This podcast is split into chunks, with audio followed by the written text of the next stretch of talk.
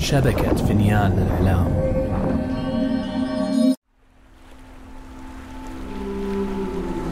القدر.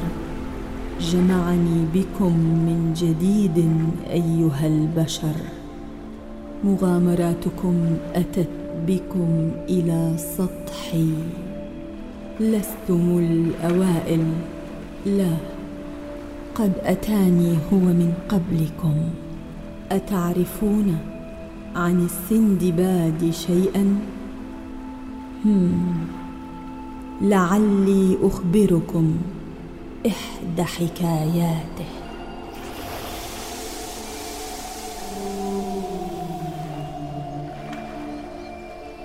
أتظن أننا هربنا منه؟ يبدو أننا بأمان حاليا. وذلك بفضلك. لقد أنقذت حياتي مرة أخرى يا بطل. شكرا لك. لا داعي للشكر يا زعيم. هذا واجبي. على ذكر الواجب أيمكنني أن أسألك سؤالا؟ بالطبع يا بني. تفضل. كنت أفكر في كلامك من الليلة السابقة عن واجبات الزعيم وكيف يجب عليه أن يضع مصلحة رعيته فوق مصلحته. لكن كيف للزعيم أن يتأكد أن الناس لا يستغلونه؟ على الزعيم أن يكسب ثقة الناس قبل أن يكسب تأييدهم أنا مثلا تم اختياري لأكون الزعيم ولم أنصب نفسي غصبا مما يعني أن الناس واثقوا بي وبقيادتي بالإجماع فهم من نصبوني زعيما عليهم ولكن ماذا عن الجماعة التي تحاول اغتيالك؟ للزعماء الكثير من الأعداء يا سندباد. لكن القائد الحكيم هو من يعرف كيف يتعامل مع العداوة. فأنا على سبيل المثال أتعامل مع الأعداء بحكمة ودهاء. فإن تعاملت معهم بالبطش والظلم لنفر مني الناس وبالتالي ينجح الأعداء في جذب رعيتي إليهم والسيطرة عليهم. وماذا لو قام أعداؤك بإيذاء رعيتك؟ آه حينها لا يجدر بي أن أبقى صامتا دون فعل أي شيء. على الزعيم الدفاع عن رعيته وتوفير الأمن والطمأنينة لهم فهذه أهم واجباته. فجأة أشار السندباد للزعيم بأن يبقى خلفه ريثما أخذ يخطو بحذر ليتفقد ما خلف الأشجار. فقد كان متأكدا أن شيئا ما يتحرك هناك ولكنه لم يجد شيئا فقال له الزعيم علينا أن نختبئ. لقد أوشك أن يدركنا الظلام. حسنا سأشعل نارا لنتدفأ بها ولنرى ما حولنا ليلا. حين التفت سندباد لإحضار الحطب فإذا بالقاتل يهبط من الأعلى فوق الزعيم ويثبته ارضا. فسحب سندباد رمحا بسرعة من على متن الحصان وهرع به لنجدة الزعيم. ولكن بمجرد أن رفع الرمح وصوبه إلى القاتل أشعل القاتل متفجرات دخان بيضاء. حجبت رؤية السندباد عنه. ولما زال الدخان وجد سندباد القاتل شارعا بطعن الزعيم بخنجره. أخذ الزعيم يتمايل يمينا وشمالا بكتفه. النجدة سندباد الحقني. انقض السندباد على القاتل. وهجم عليه بسيفه الحاد ولكن القاتل صد ضربات سندباد ببراعة وهو يقول لماذا تقوم بحماية هذا الطاغي يا رجل؟ ألا تعلم من هو؟ ركل سندباد القاتل بمعدته. مما أسقطه أرضا. الآن اقتله الآن! إلا أن سندباد تردد للحظة وجملة القاتل الأخيرة ترن في أذنيه. مما سمح للقاتل بأن ينهض ويقفز بين الأشجار ليهرب. ماذا تفعل؟ لماذا ترددت؟ قال لي شيئا أربكني.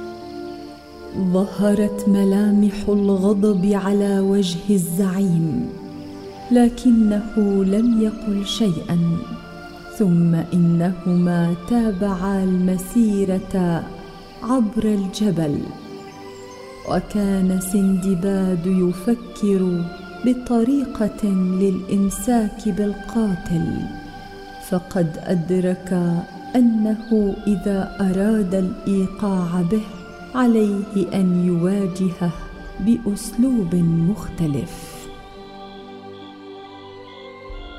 نصب الرجلان خيامهما أسفل الطرف الآخر من الجبل وأوى الزعيم إلى النوم بينما بقي سندباد أمام النار إلى أن غلبه النعاس. فتسلل القاتل إلى داخل الخيمة ووقف فوق رأس الزعيم الذي كان نائما تحت غطائه. ثم طعنه في صدره بكل قواه وهو يقول نم للأبد يا حقير.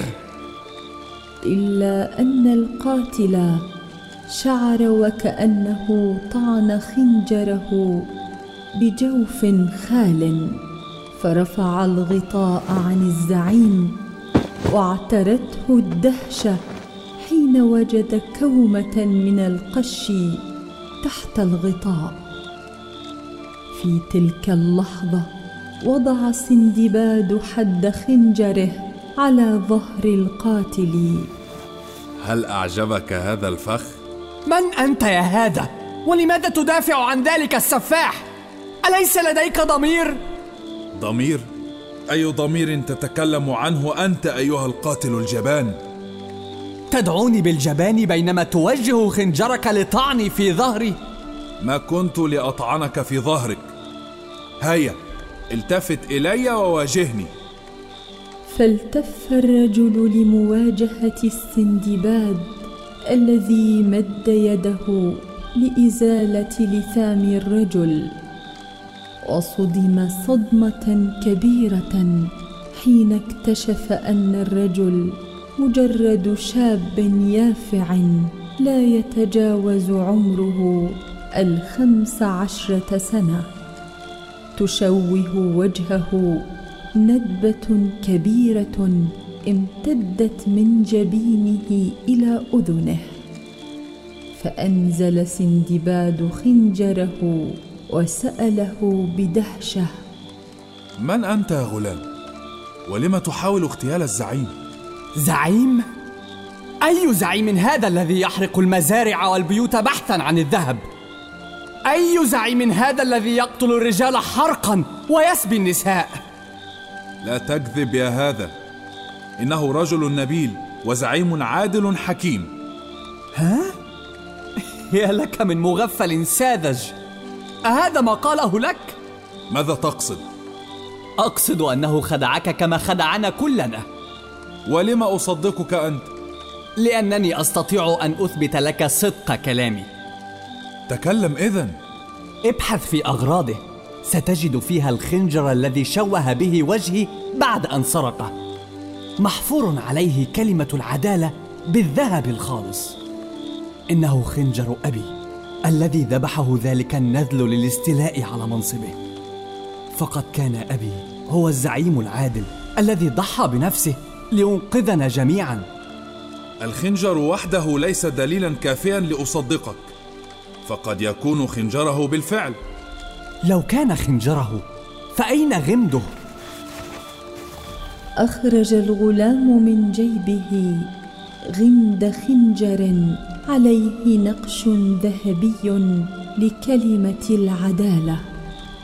وختم عليه ختم عائلي مميز يدل على أنه يعود لسلالة عريقة من الزعماء. أراه للسندباد ثم قال هذا ختم عائلتي الذي يرمز لسلالتنا التي تولت زعامة البلدة منذ زمن بعيد. إن بحثت في أغراض ذلك السافل ستجد الخنجر المسروق. وستجد كذلك قلادة من الذهب أهداها لي أبي الراحل. محفور عليها وجهي قبل أن يشوهه المجرم. سرقها مني وشوهني بعد أن رفضت أن أنحني له. لف سندباد ذراعه حول عنق الغلام وجره خارج الخيمة وربطه بحصانه ريثما يبحث هو في أغراض الزعيم. الذي كان في هذه الأثناء نائما في كهف صغير حسب اتفاقه مع سندباد لتنفيذ الخدعة. وبينما هو يبحث وجد سندباد الخنجر والقلادة فاعتراه الغضب وتوجه نحو الغلام وبيده الخنجر كيف تنحاز إليه؟ إنه مجرم ظالم ولن يتوقف عن قتل الآخرين. مد سندباد السكين نحو القاتل وفك قيوده ثم أشار إلى الأشجار صوب الكهف الذي بداخله الزعيم. وبعد لحظات استيقظ الزعيم بدفعة قوية ليجد القاتل أمامه فقال مذعورا. الحقني يا سندباد. لقد كذبت علي. أدار الزعيم رأسه ليجد سندباد واقفا عند مدخل الكهف وملامح الغضب تملأ وجهه. لن أحمي مجرما مثلك. افعل به ما شئت يا هذا. نهض الزعيم عن الأرض وحاول أن يركض نحو مدخل الكهف ولكن القاتل عرقله وأوقعه ارضا فبدأ يزحف نحو سندباد وهو يقول أين هي مبادئك يا سندباد؟ ألم أوظفك لحمايتي؟ كما قلت بلسانك يا زعيم. على الزعيم الحقيقي تحكيم المنطق والعقل في الأمور كلها وعليه أن يضع مصلحة رعيته فوق مصلحته الشخصية. فسحقا لك ولمالك إن كان ذلك سينقذ الآخرين من بطشك. رمى القاتل سهما نحو الزعيم الذي كان قد نهض. فأصابه في ساقه ووقع على ركبتيه ارضا فأسرع الغلام نحوه وطعنه في صدره إلى أن لفظ آخر أنفاسه ثم التفت إلى سندباد وقال أشكرك على مساعدتي أنا ممنون لك. لا عليك لم أفعل شيئا. بل فعلت الصواب. أرجوك اقبل مني هذا الخنجر المذهب كعربون شكر وامتنان. تفاجأ السندباد بهذه المبادرة وقبل هدية الخنجر المذهب الذي بقي معه خلال جميع مغامراته كلها ليذكره بالمعنى الحقيقي للعدالة والنزاهة وهي ما عزم سندباد على أن تكون المذهب الذي استمر بمتابعته عندما أصبح زعيما لبحارة بدوره وقبطان سفينته الخاصة.